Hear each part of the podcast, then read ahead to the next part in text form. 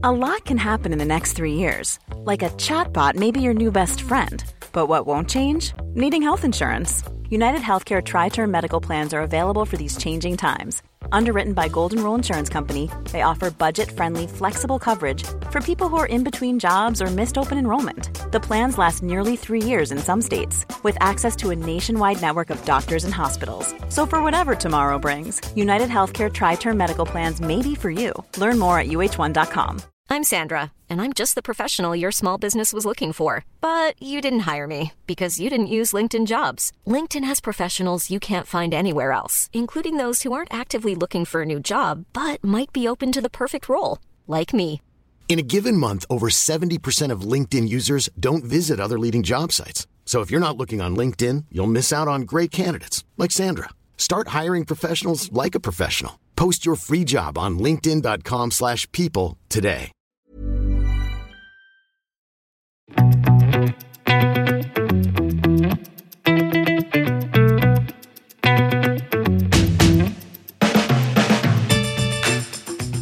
til en helt ny episode av Klokkelandslaget.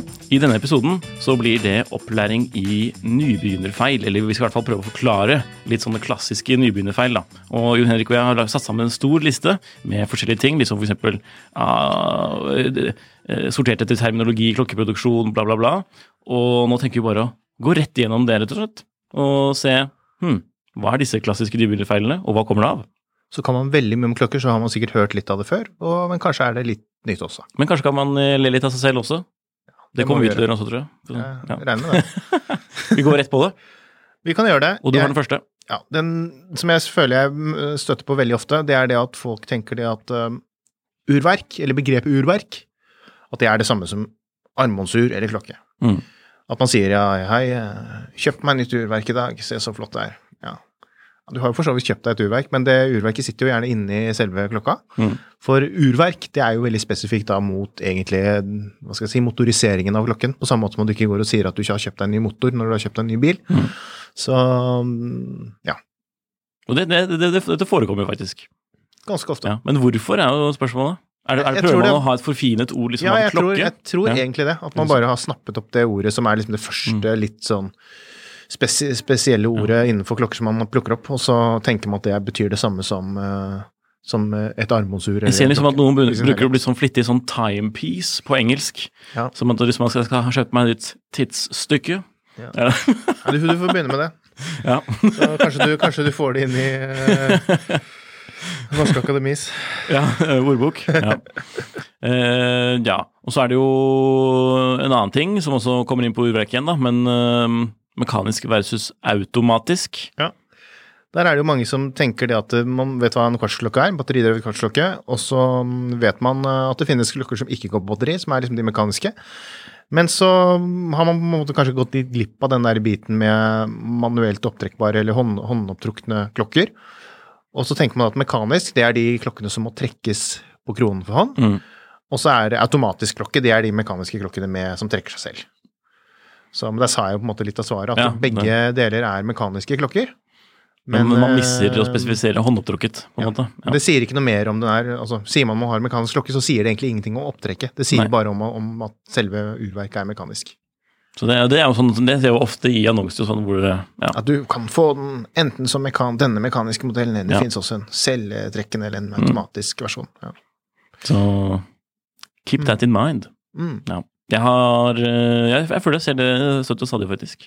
Uh, og det neste nybegynnerfeilen. ja, det er en som vi har litt uh, kjennskap til. Personlig. Ja. Mhm. Skal, du fortelle, skal du fortelle selv, kanskje? Ja, dette er jo da den klassiske som er lett å ta feil av, sier jo jeg, fordi jeg gjorde det selv.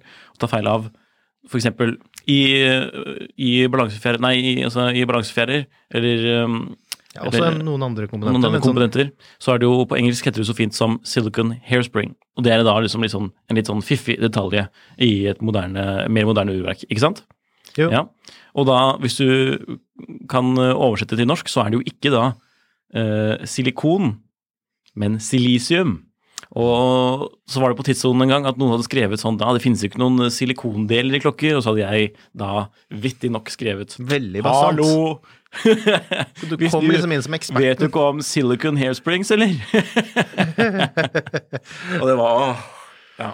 Og så kom jeg jo på Nei, pokker. Eller så var det vel Jon Henrik som sendte meg en sånn, litt sånn, en sånn snill eh, prikk på ryggen uh, Og det, og det var vel også da du skrev litt for tidssonen, mener jeg. Så det var jo litt sånn Ja, så det, var ikke, det er ikke så veldig lenge siden. Da.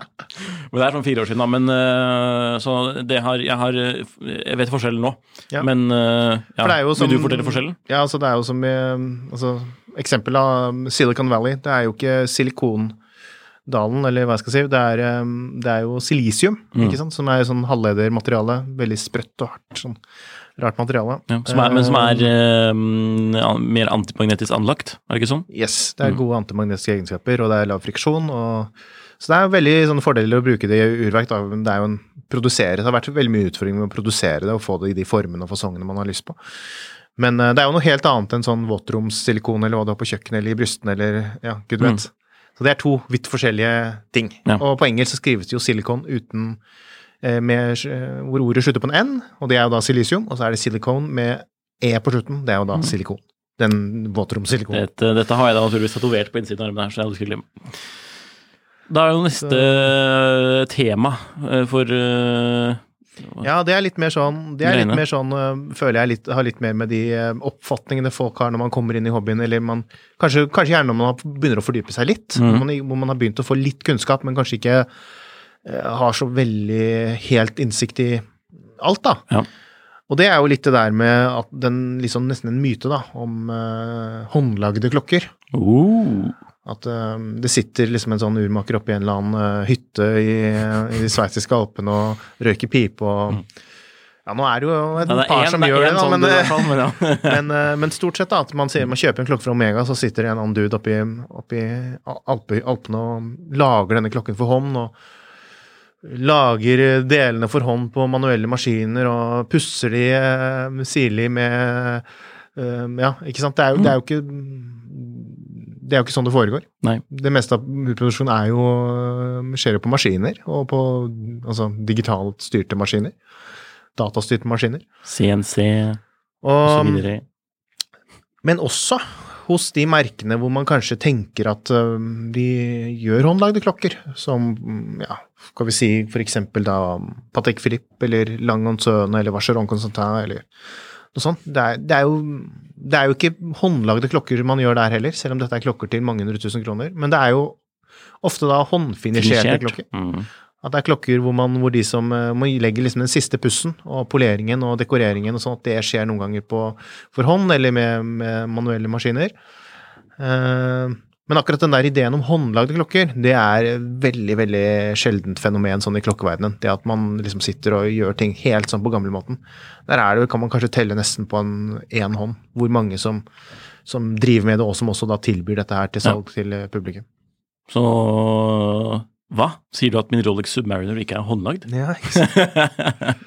Men det er jo en sånn, nesten litt sånn annen myte også, at, at Rolex det er liksom bare sånn at man dytter materialer inn i en maskin, og så kommer det ut en ferdig klokke på andre siden. For Mm.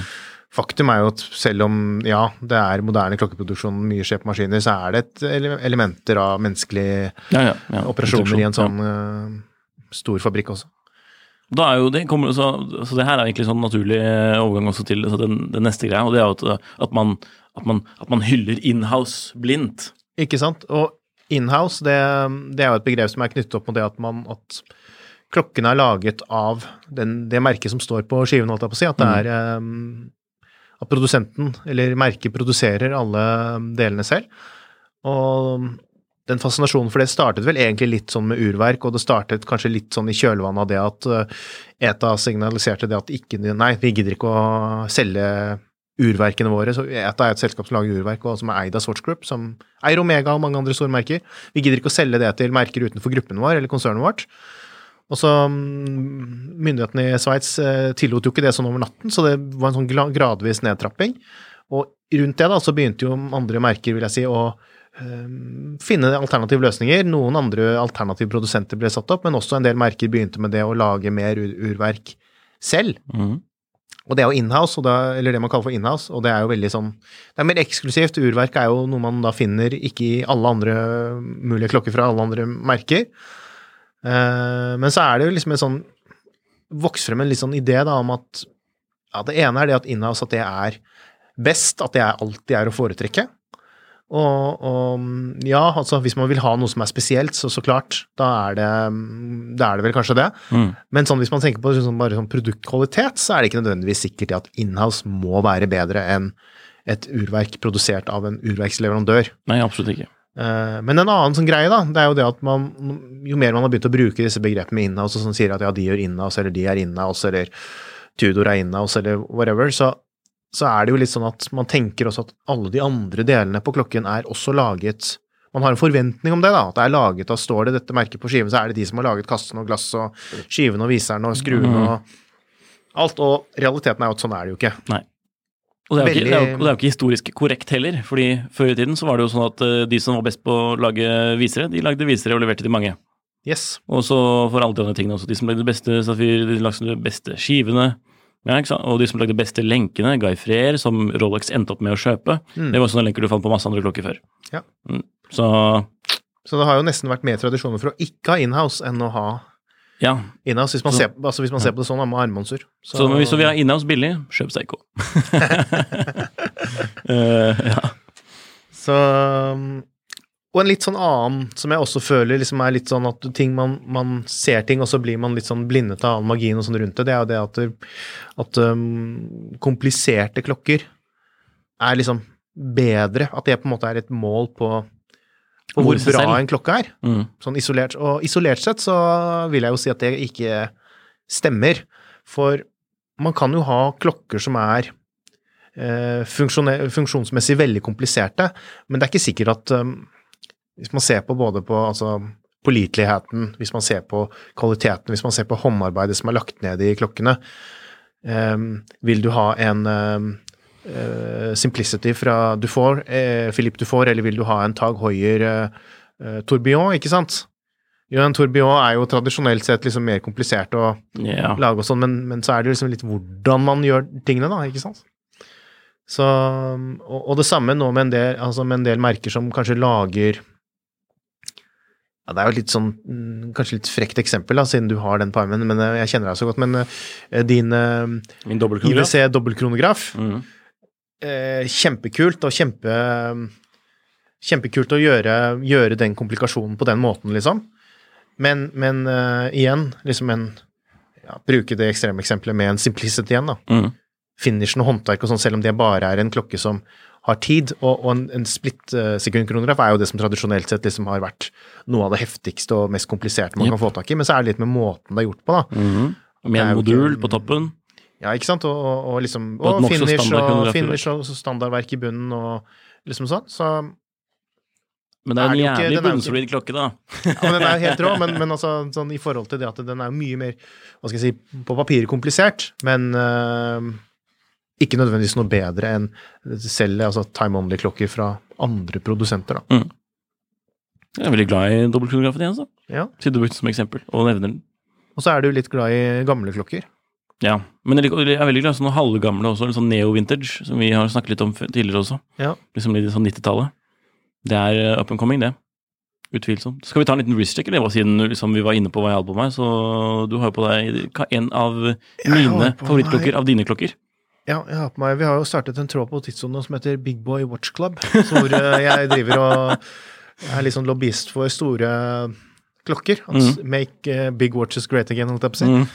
Så det her er jo Jeg husker ikke hvor stor den er. 48 Typ. millimeter ish. Jeg har hatt den på meg en gang før. Jeg tror jeg har hatt den på meg ja, bare Mm. en gang før også, tror jeg. Første, muligens første eller andre eller noen episode av Ja. podden. Men det er jo en Seiko Tuna. Seiko Tuna Ken. Mm. Som en dykkerklokke. Eller en sånn Den her er jo litt sånn hyllest til en, eh, en av de tidligere eh, referansene av Tuna Ken. Golden Tuna. Golden Tuna. Emperor Tuna. Hva er det som skiller de to igjen? Golden Tuna er vel liksom den helt, eh, hva skal jeg si, originalen, da, som den, denne er, hva skal jeg si, inspirert av. Ja. Og så er det Emperor som de har gitt navnet til um, Til den her, er det ikke det? Jeg husker, jeg husker ikke. Det er, det er mange har det jeg vet det sånn- er mange som kan Psycho, så dere, får bare Eh, arrestere ja. oss hvis vi sier Ja. feil. For det Ja. er sånne ting jeg aldri husker. sånne detaljer. Men har jo nesten Grand Psycho-verk også, har ikke det? Jo, den er laget i um, eh, Hvordan sier du? Shizukuishi Shizukuishi, jeg vet ikke. Men altså i, um, i uh, ved, ved det studio, i, eller den fabrikkstudio Nå er jeg liksom marketing speak her, men uh, ved fabrikken til uh, Psycho, hvor de lager um, Grand Psycho, uh, der lager de også denne klokken, eller lagde denne klokken, Mm. har gått ut av produksjon da. Så det er jo liksom, hvis man ser på urverkene, så er det jo mye sånn fellestrekk, da, så noen hevder vel det at det er et ufinisjert GS-verk, basically. Det er jo egentlig det. Så ja. Og hva med deg? Ja, du hadde jo du har Jeg har jo snakket om eh, dobbelen, jeg, vet du. Så, sant? Men eh, tja, da har vi gjort risk-check. Veldig bra. Da kan vi egentlig gå videre på neste tema. Og da Ja, har for vi det var liksom deg jeg ville liksom prøve å lage sånn bro over, da, for det, Ja.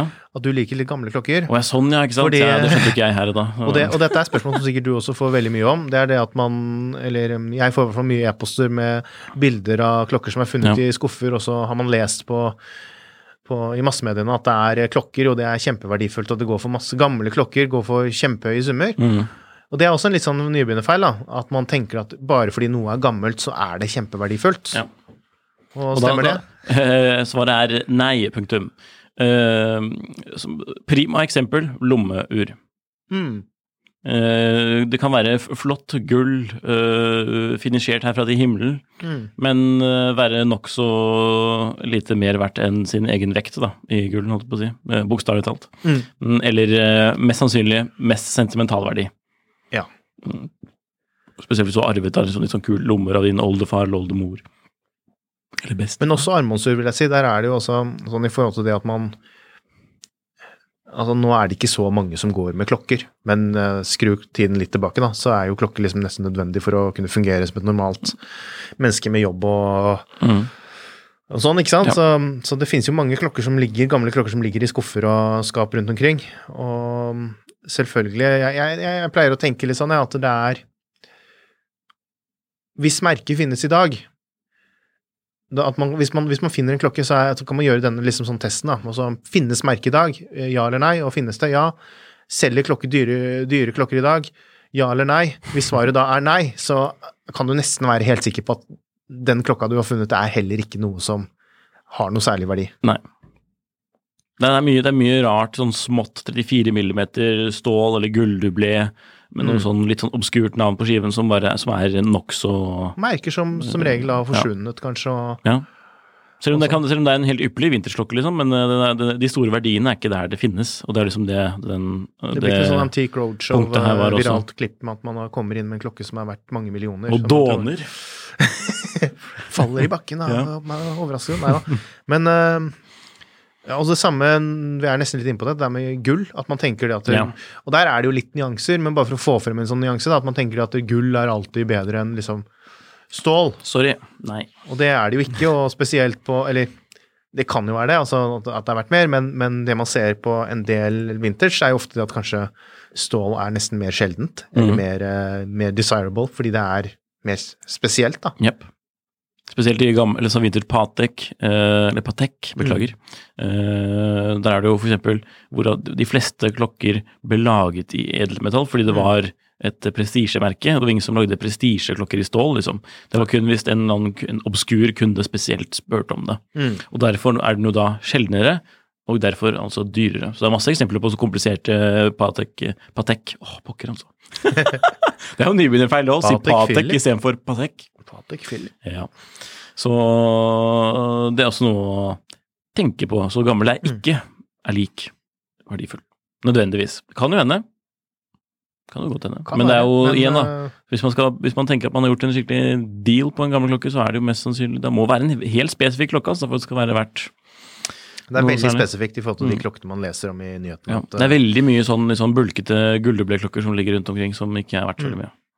men det kan være morsomt allikevel. Ja, det kan være kjempemorsomt, og det kan ha gigantisk sentimental sentimentalverdi. Og så eh, kjøp en ny rem og bruk den klokken hver dag. Det er jo helt fint, det. Det er det de blir lagd for. Og så apropos rem, der er det også Apropos en eh, rem, ja. nybegynnerfeil. Ja, dette er jo min, en av mine favoritter, holdt jeg på å si. Ja, du fortalte meg Um, det er jo at man kjøper Når man skal ut og kjøpe seg en ny klokke, Eller brukt for den saks skyld, da. At man kjøper Nei, men det er primært når vi kjøper en ny klokke. At man kjøper på rem istedenfor lenke for å spare penger. Fordi for eksempel, Og fordi man liker den kanskje bedre på rem, da. Men ja, det, eller er også, har den liksom, ja. sånn Men sånn primært, hvis jeg, sånn jeg tenkte da i starten, var at jeg skulle kjøpe den klokken på rem istedenfor lenken sånn- fordi den var litt billig, så jeg hadde liksom råd til den. Ja. Mm. Uh, men da kommer man til det aberet at skal du selge klokken, eller du, å, eller du angrer deg og vil ha lenke Mm. senere, så vil det koste veldig mye penger. vesentlig mye mer å kjøpe lenken alene enn med klokken første gang. Og så vil du jo få mer for klokken på annonsmarkedet, naturligvis, hvis du har lenken. Så, men så kan man jo virkelig tro på det her og lage et, altså et nybegynnertips også. At hvis du har veldig lyst på en sånn en veldig spesifikk klokke, let etter de som bare kommer med rem. da, For det er mange som er, utsatt, mange som er sånn derre Den må komme med lenke og rem. Hvis de er usikre på å kjøpe etter en, hvis vi vil kjøpe en uh, bruktklokke, da. Ikke Hvis man er helt sikker på at det er på rem man vil ha, og Ja. at man kommer til å ha den, og ikke Mm. bare skal selge den igjen med en gang, Ja. eller, eller ikke er så, ja. Klassisk eksempel på det her, da, altså det motsatte, det er jo Tudor Black Bay. Uh, lenken alene koster vel 12 eller noe sånt, tror jeg. Den til Er den så dyr? 58. Eller ikke kåp meg på det, men sjekk, uh, sjekk selv. Men det er, det er Nikolai hvert fall sa den kosta 12 000. ja, st- Stille opp med det, hos er det noe å si du krever rabatt. Nei da. Men uh, altså, det, altså, det koster vesentlig mer enn det koster å bumpe opp Ja. ved nykjøp, Mm. på en måte. Så det er tipset. Også, men, men på samme måte da, så kan du få tak i masse sånne førstegen Black Bay på bare rem, som er litt sånn ukurant, rett og slett. Mm. Eh, fordi det er så mange andre med lenke. Eh, så kan du gjøre en deal på det. Og det er jo greit, det. Hvis du vet du vil ha det. Absolutt. Jeg har jo brent meg på det selv. Jeg, så jeg kjøpte en uh, Omega Planet Ocean, førstegen Planet Ocean, med oransje alligatorrem. For det er så kult. Og jeg skulle jo ikke ha lenke, men så fikk jeg jo lyst på lenke etterpå. Var det, den, eh, var det den med sånn oransje besel også? Mhm. Mm. Første- Men kronografen, eller? 42 mil. Mm. Nei, vanlig. Ja, uff meg. Den, den eh, Ja, nei. Ja. Nei, men den skulle jeg gjerne beholdt. Var dritkul. ja, ja, men på den, den eh, lenken, det den remmen, mener jeg? Oransje alligator. Ja, jeg synes ikke den er så kul, Også. Det var så kult. Uff, Men jeg fikk lyst på lenke, da, etter hvert. Ja. Altså, den kjøpte jeg i en Omega-butikk i London. Det var også den første ordentlige klokken jeg hadde lyst på når jeg begynte, Planet i 42. Ja, den er kul. I oransje. Nei, med sort skive. Nei, sorte besel med det. Hatt den nå. Skulle ikke solgt den heller. Nei, ja. Men uh, sånn er det. Men uh, jeg, var også sånn litt sånn at på, Jeg foretrakk faktisk lenken på, altså på den uh, på, på 300-versjonen. Mm. Altså den som har litt mer sånn polerte midtle, sånn små midtlenker, liksom James Bond-klokka. Nei. Nei, ok. Ja. Eh, nok om det. Neste. Ja, vi har litt sånn over i litt sånn eh, teknisk igjen, som nesten er litt uh... Nei, vi, vi har faktisk ikke det, for vi har eh, den, den, det er en annen ting oh, før. ja, ja, Og det er også min favoritt, nesten. Føler Ok, jeg. da ta den, da. Ja. og det er å overtenke størrelse på klokken. Og så det kommer litt sånn, og det kommer, da kommer det også litt sånn at uh, bilde versus virkelighet. Ja. Ser du klokken på et bilde på internett på armen til noen, så tenker du sånn Holy moly! Den er jo gigantisk. Ja. Mens i, når du tar den på øh, lanken, i realiteten, så er det jo faktisk helt ok. Ja. Og det er sånn, jeg, jeg, jeg gremmes hver gang jeg ser sånne diskusjoner om liksom én millimeter her, én millimeter der, og så sånn derre Ja, ja. horn til horn-mål og sånn. Jeg gremmes ikke over diskusjonen. Jeg, Nei, grem, ikke- jeg jeg gremmes over utsagnene. Ja, men, det- alt Ja, er jeg for stort. liker den. Den er kjempefin, og jeg har alltid ønsket meg en uh, dykkerklokke fra det merket, men den er én millimeter for stor. Ja. Dessverre. Men det, det er greit nok hvis man har vært og prøvd den. Ja, men det har man jo ikke. Nei. Man bare skriver sånn på. Så, men jeg er helt enig, for det er Ja. så mange andre Ikke overtenkt størrelse. Men nå er jo vi sånn Big Boy Watch Club, eh, så det er jo litt sånn blitt biased her. Men, Men vi har ikke de minste håndleddene. Men likevel, da, Men, så, ja. så er det litt sånn Det er så mange ulike parametere som spiller inn da, på hvordan en klokke egentlig oppfattes. Det kan være tykkelsen, men det kan også være utformingen på baklokket. Det kan være remfestene, det kan være remfestemålet, selvfølgelig, men også men hvordan er remfestene? da, ikke sant? Hvor, hvor, mm. Er de kurvet? Er de, er de rette? Er, Er de kjempelange? Er de store? Også, mm. også det, men også faktisk altså sånne ting som det der hvordan det ser ut. Ja. Eh, visuelt. Um, Tunaken Så- din er jo et prima eksempel på en stor klokke som bærer mye mindre enn den faktisk Ja, for måler. den har jo ikke remfester. den har den har ikke remfester, Så hvis man bare horn. ser på Nå vet jeg ikke helt hvor mye den Husker jeg som sagt ikke hvor mye den måler fra liksom 48, topp til bunn, men. Og det er jo ikke så halvgærent, egentlig, sånn for en klokke. Nei, det er altså 47. Det er, 47 millimeter. Det er jo en kjempeanvendelig panerai, det. Ja, ikke Men altså, det er, eh, 1950-kassen. Det er så mye, så, så tipset er jo da nybegynnerfeil. Ikke avfeie en klokke bare fordi man eh, leser på papiret og har fått for seg det at nei, jeg skal ikke ha klokke som er større enn 40 mm, men gå faktisk og prøv den og se hvordan den sitter på, på hånden. Så vil man fort kanskje se det at uh, IRL så er ting annerledes enn på internett. Ja. Det er uh, enkelt. Hva er det heter for noe igjen? Sånn eh, Ikke bli catfisha av eh, klokkesidene på nettet. Nei. I'm Sandra, and I'm just the professional your small business was looking for. But you didn't hire me because you didn't use LinkedIn jobs. LinkedIn has professionals you can't find anywhere else, including those who aren't actively looking for a new job but might be open to the perfect role, like me. In a given month, over 70% of LinkedIn users don't visit other leading job sites. So if you're not looking on LinkedIn, you'll miss out on great candidates like Sandra. Start hiring professionals like a professional. Post your free job on linkedin.com/people today.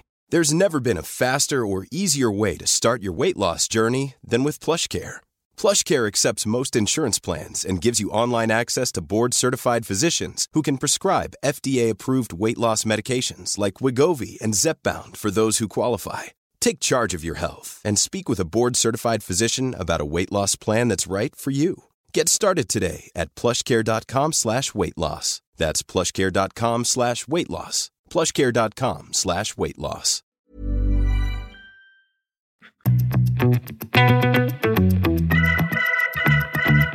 Da er vi inne på teknisk. Da er vi over på teknisk, og så er vi jo, ser jeg vi har skrevet opp en ting som er litt uh, over på det Nesten litt overlapp med det vi har um, snakket om litt tidligere. For eh, både i forhold til merket og i forhold til det temaet, det er um, Spring Drive, Mm. som er en type urverk som produseres av um, Seigo, og spesielt da mm, sitter i Grand Seigo Mm. prestisjemerket til Seigo. Det er litt sånn Og det har vi jo sett også Hadde en opplevelse sånn uh, på et møte hvor vi diskuterte diskutert det litt, men hvor man ser at det er ofte litt forvirring rundt hva springdrive egentlig er. Ja. Så skal, nå, nå du melder deg frivillig til å ta et uh, jeg- to minutters kurs. Nei, det jeg vil ikke gå sånn kjempe i dybden, for det tar litt tid, og det er kanskje, uansett hvor mye man forklarer, så er det vanskelig å forstå det ut fra en sånn videoprat. Man må Mm. heller tegne litt, eller ja. Men, men bare for å si det sånn veldig kort, da, så er det um, Springdrive, jeg vil si det har mer til felles med et mekanisk urverk enn et kvartsurverk. Og det er kanskje en sånn første punkt da, som er litt viktig å huske på. Og grunnen til at jeg sier det, det er jo på grunn av det at hvis man ser på et uh, kvartsjurverk, et batteridrevet kvartsjurverk, så, så ja, det drives jo da av et batteri. Det er strøm som er energikilden. Og det er det man kan se på, da. Hva er det som er energikilden her? Mm.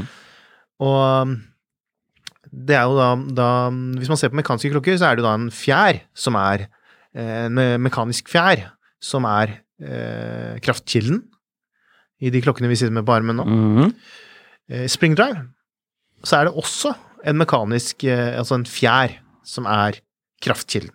Men Det er ikke noe strøm tilført utenfra på noen som helst måte. Eh, men, men forskjellen da mellom et springdrive-verk og et mekanisk verk, det er egentlig bare den biten som, som eh, regulerer tidtakingen, eller altså tid, tidsvisningen. Um, for der er det da um, elektronikk inne i bildet. Men måten den, den, den strømmen blir generert på, og måten det fungerer, så er det liksom lukket. Det er ikke tilført noe fra et batteri, men det er fortsatt da eh, fjæra som gir den energien som gjør at dette eh, finurlige eh, elektriske systemet fungerer, eller regulatoren fungerer. Mm.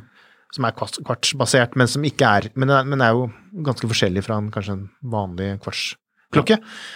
Um, men det er liksom litt sånn å tenke på, da, for Spring, Psycho, hvis man tar Psycho, så har jo også de en annen ting som er en annen uh, type verk som også er ganske sånn ja, Det er kanskje en stund siden det var liksom det hotte, men jeg husker når jeg um, var yngre, så var det liksom kult det å ha en psychokinetic-klokke.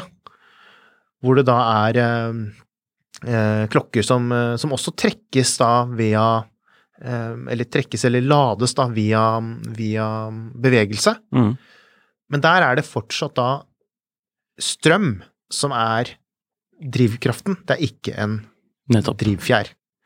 Så det er veldig forskjellig fra en, et springdraverk. Og det det samme med eh, ja, Swatch Group har vel hatt også mm, historie vinter, Hvis man ser på vintersklokker, da, så har det jo også vært en del løsninger på det hvor det har vært kvarts, men liksom så, selvtrekkende kvarts, for å kalle det det. da. Ja. Hvor det også har vært det samme, hvor det egentlig er strøm som er eh, Og så finnes det jo masse andre obskure sånne altså, urverk, om jeg skal bruke det ordet i riktig form. eh, hybrid, eh, med, hybrid, liksom, sånn, med sånn stemmegaffel, tuning fork eh, og litt sånn det, var veldig mye forskjellig innenfor det også, som brukte mer mekanikk enn andre, og, eller mindre, da. Ja. Og det er mange forskjellige altså, en, en ting man også støter litt på ganske ofte nå, det er jo litt sånne uh, mekakvarts. Yes. Um, ja, nå blir det mye Psycho, men det er jo Psycho det også, Det er det. som stort sett lager de kronograf. Så man kan finne faktisk ganske mye sånne microbrands som nå om dagen. Veldig Mm. utbredt, ja. Og der er det jo rett og slett bare et um, kvarts, et konvensjonelt kvartsurverk som sitter i bunnen. Men så er eh, tidtakingsfunksjonen er jo da en slags mekanisk Nettopp. modul. Så da har man liksom mekanikk og kvarts om Mm. hverandre, da. Neste tekniske eh, ting vi vil ta opp, den er morsom. Ja, det er litt sånn, kanskje litt kontroversielt, men eh, Nei, jeg støtter den 100% det er i forhold til serviceintervaller. Ja. Og det er jo også sånn, når man har kjøpt din første klokke, så er kanskje det noe man begynner å bekymre seg litt over, man har hørt både hvor lang tid det tar å sende en klokke på service og hvor mye det koster. Ja. Kanskje når man skal kjøpe en bruktklokke, så er det jo noen, hvis man er litt, jeg vil si litt nybegynner, da, så er det kanskje sånn når hadde den service sist, og man er veldig fokusert på det, da, for da Mm. tenker man at hvis den hadde service for to år siden, nei, da har jeg tre år igjen, eller noe sånt. Mm. Men, men greia med service er jo det at produsenten eh, har jo sine anbefalinger eh, når, det skal, når man bør ta en service på en klokke. Mm. Og det er jo klart det, hvis, eh, hvis, man at, hvis man skal ha en klokke som hele tiden er eh, ganske presis, og som hele tiden er eh, ganske, man er ganske trygg på det at den ikke brått skal stoppe, selvfølgelig følg serviceintervallene og følg anbefalingene fra produsenten. Mm. Men man blir jo fort ganske blakk av det da, hvis man skal følge disse helt slavisk. Hvis man har mange klokker, hvis du har 20-30 klokker, og så skal man liksom følge disse serviceintervallene som kanskje kan være helt nede på sånn tre år for en del sånn, altså. For noen produsenter da, tre til fem år eller noe sånt. Mm. For det koster jo mye med service, det tar mye tid, og så, så, så min personlige holdning til det, det er jo litt sånn derre øh, Jeg personlig bruker vel stort sett klokkene mine til de mm, stopper, eller til det blir noe alvorlig feil. Mm. For hvis man ser litt på det sånn Selvfølgelig, nå, nå tenker man ikke på vann, altså at det har kommet vann i verket, eller sånn helt sånn ekstremt tilfelle, men, men under vanlig bruk, da, så, så vil det sannsynligvis bli veldig mye dyrere Ja.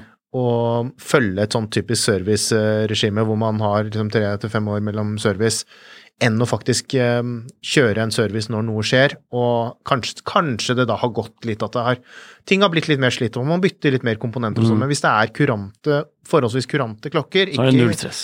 så er det null stress. Ja. Altså, jeg, jeg, jeg, jeg støtter jo dette her fullt ut. Jeg sier, ja, når det begynner å gå dårlig, fiks det. Ikke sant? Punktum. Og så det er ikke noe vits i å overstresse det der, eller liksom tenke at man ny eier, da må jeg ta Jeg vet jo ikke når han gjorde noe sist, eller forrige eier, så jeg må liksom Nei, det blir liksom litt å overtenke det, føler jeg. Ja, jeg syns jo det er viktig å vite om det, da. Vite Ja, ja, ja, om absolutt, det, og vite om det har vært har Og hvis vært noen sier service, at men- har trolig vært på service i de siste år, men ikke dokumentasjon på dette, så går man ut fra at det ikke er faktum. Naturligvis. Men går klokken fint, så da er det null stress, da vel? Ja. Og så er det jo liksom hvordan man bruker det. Har du Mm. brukt den til å liksom Ja, jeg vet ikke. Røffe aktiviteter, eller er det liksom en klokke du har hatt i, mest i safen? Mm. Og så har vi to små ting før vi, Før vi må runde av. før vi må runde av. Ja. Loctite på lenker. Det ene jeg også du- dukker veldig ofte opp, det er at man ser at folk eh, ødelegger urmakerverktøyet sitt, eller eh, liksom ødelegger, eller ødelegger lenkene sine. Mm. Fordi de skal tilpasse lenken selv. For det er, hvis man er litt handy, da, så klarer man jo det å løsne på et par skruer, liksom. Mm. Skruer har blitt ganske utbredt nå på en del, på i hvert fall dyrere klokker. Um, greia er jo at de er jo satt inn med sånn låsemiddel Mm. veldig ofte, for at nettopp for at skruene ikke skal falle ut sånn ved, ved bruk. Og det er jo i praksis da et slags nesten sånn superlim. Og hvis man da bare tar en ja, det er ikke, For det første er det jo ikke så vanlig at man ofte har disse spesial, spesialverktøy heller. Så tar man en skrutrekker da, som passer sånn tålelig, Mm. og så bare setter man i gang, og kanskje på litt sånn holder i hånden eller litt sånn dårlig underlag, Ja. og så bare vrir man, jo da kommer du garantert til å ødelegge ja, kanskje verktøy hvis det, er, hvis det er et veldig dårlig verktøy, eller bare strippe hele skruen, liksom. Men så Mm. Det er um, Så hva er løsningen? Ja, det er, går an å varme det opp litt, for å, at dette limet skal løsne litt. Eh, Eller spørre urmakeren din? Er det det du ja, sier? det er altså hvis man ikke har Hvis man har er veldig opptatt av at ting skal bli skikkelig, så gjør Mm. heller det, da. Men eh, det går, hvis man er litt handy, eh, passe på stabilt underlag, eh, varme opp Jeg har hørt folk som bruker eh, holdt under varmt vann, ikke sant, bare for å liksom få det til å bli litt mer eh, flytende, ikke så stivt. Eh, løsse opp litt. Eh, eller eh, en hårføner, varm luftpistol. Mm. Da må man være forsiktig kanskje da, og ikke ha Ja, litt på andre deler ja. av klokken. Ja. Man kan jo ta av lenken da, selvfølgelig, først. Ja. Og kjøre en sånn liten eh, Hvis man har sånn liten fiffig sånn maskin så man kan vaske den også. Ikke sant? Eh, hva heter den igjen? Ultralydvasker. Ja, takk. Ja. Men også skru litt forsiktig, da. Vær i hvert fall litt oppmerksom på det at det kan være noe der. At ikke man bare liksom bare gønner på og liksom gjør det litt sånn uforsiktig. Ja. Da blir det stygge skruer og kanskje riper, kanskje verktøy glipper, og det er bare elendighet, så Ja, det, det er ikke noe kult med masse riper på skruene sine og sånne, og sånne, liksom sånne biter som liksom at, den, at den åpenbart har vært brukt med feil verktøy eller, eller liksom for litt for lite verktøy og sånn. Ja. Det ser ikke noe pent ut. det gjør ikke det. Og det, så da, det, jo, det fører oss litt over på den siste også, det med liksom uh, at man utviser aktom, aktsomhet uh, når man uh, bytter lenke eller rem. Ja. Det er mye, Jeg har kjøpt mye klokker med masse rare merker på baksiden, uh, og liksom noen som har byttet rem i dårlig tid. og Veldig vanlig med Ja. merker på undersiden av remfestene. Personlig så bryr jeg meg ikke så fryktelig mye Nei, ikke ærlig, for helt ærlig, altså, men Men det like så fremt. Men det er jo litt sånn når man bytter eh, rem på en klokke, da, så tar litt ekstra tid. Enkel, enkel løsning, sett en teipbit på baksiden av hornet. Ja, eller Mm. og også på oversiden. liksom Masker hele remfestet med liksom en teipbit eller maskeringsteip eller noe sånt. Og så Eller hvis du har Panerai, masker siden bare Ja. av uh, lugs, for der er det jo skruer, ikke sant. Så det tar er litt tid og gjør en jobb på stabilt underlag. Ha skikkelig verktøy. Kjøp eventuelt en sånn liten kloss som man kan spenne fast klokken i. Ja, Ja, Kanskje kanskje litt litt, too much, men, men kjøp, eller kjøp et, en, en, et bra verktøy, liksom. så det er eh, Så det er greit. Skal vi ta, rekker vi et raskt eh, lyttespørsmål? Om det, er, om det kan svares på innen raskt? Vi kan eh, rønne av med det. Ja. Det er et, han sier jo selv også at det er et newbie-spørsmål. Det er fra Torbjørn. Jeg kan lese. Som Ja. regel ved kjøp og salg kan man forvente en mye lavere salgsverdi enn hva man har kjøpt for. Har du kjøpt en mobiltelefon og skal selge denne, så er, et gjen, så er gjensalgsverdien langt lavere enn kjøpsprisen. Har forstått det slik at det ikke fungerer helt på samme måte med klokker. Det er sikkert vanskelig å svare på, men om man blar opp 50 000-100 000 for en klokke av et anerkjent merke, er det ventet at, å ta et stort tap på dette innen FX1 eller to år? Spørsmålstegn. Da vil jeg si at det kommer an på. Det kommer selvfølgelig an på merket. Mhm. Uh, men det kommer også an på um, Og det sier han vel ikke noe om, om det er en ny klokke eller en brukt klokke? Eh, nei, men jeg antar at han mener ny egentlig, altså. Mm. Litt sånn som sammenlignet med en bil. Ja, og hvis det er en ny, så, så vil jeg jo si det er ganske, Ganske akkurat som en bil med en bil. Ja, ganske sikkert at han vil tape penger. Jeg vet ikke, Nå er ikke jeg sånn største sånn som følger med på sånn elbil og sånn, men der har jeg inntrykk av at noen biler som er veldig populære, der får man nesten igjen penger. Ja, det er disse ventelistebilene, da. det er disse ventelistebilene, altså Ja. Rolexen av uh, elbiler. Så jeg vil jo si det er akkurat som bilverdenen, da. At de Mm. Taper ganske substansielt hvis man i Mm. Man kan ikke gå ut ifra at man tjener penger på nye klokker. Nei, heller, heller ta høyde for det at når man trekker kortet, så har man Ja. tapt Det er i hvert fall sånn det har vært eh, inntil de få, få år siden, når denne superhypen begynte på visse få modeller. Ja. I det Og typisk verditap vil jeg si ned mot eh, på de litt mer eksotiske tingene. Så Mm. Ned mot halv pris, nesten. Altså sånn. Men det er ikke noe sånn, man, man, man mister jo aldri hele verdien, på en måte. Det Nei, liksom, og så er det jo. Og så kan ting ta seg opp igjen over Ja, tid. ting kan ting blir mer ettertraktet over tid. Og så kjøp den klokken man har lyst til, og så behold den lenge hvis du syns den er kul. Det Ja. liksom, ja.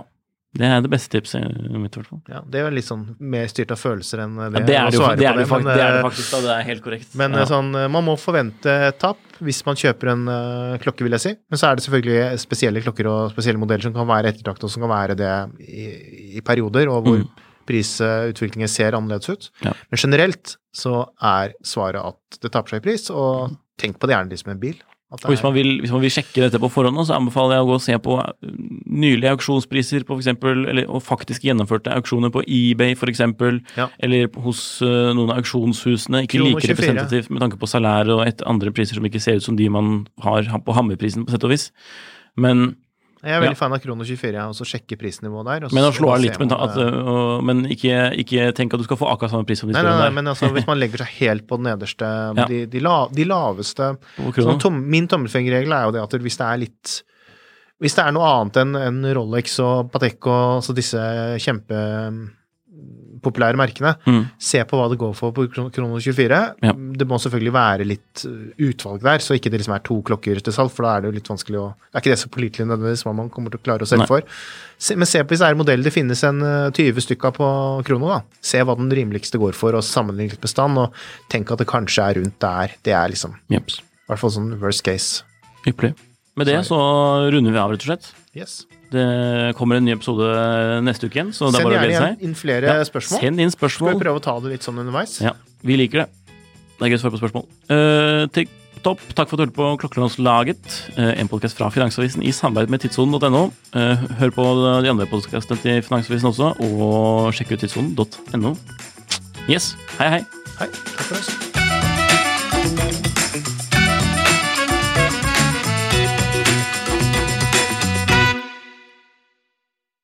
Klokkelandslaget er en Finansavisen-podkast i samarbeid med Tidso. Programleder er Nicolay Giel og Jon Henrik Haraldsen. Produsent er Lars Brenden Skram. Podkast- og videoansvarlig er Marius Mørk Larsen. Og ansvarlig redaktør er Trygve Hegnar.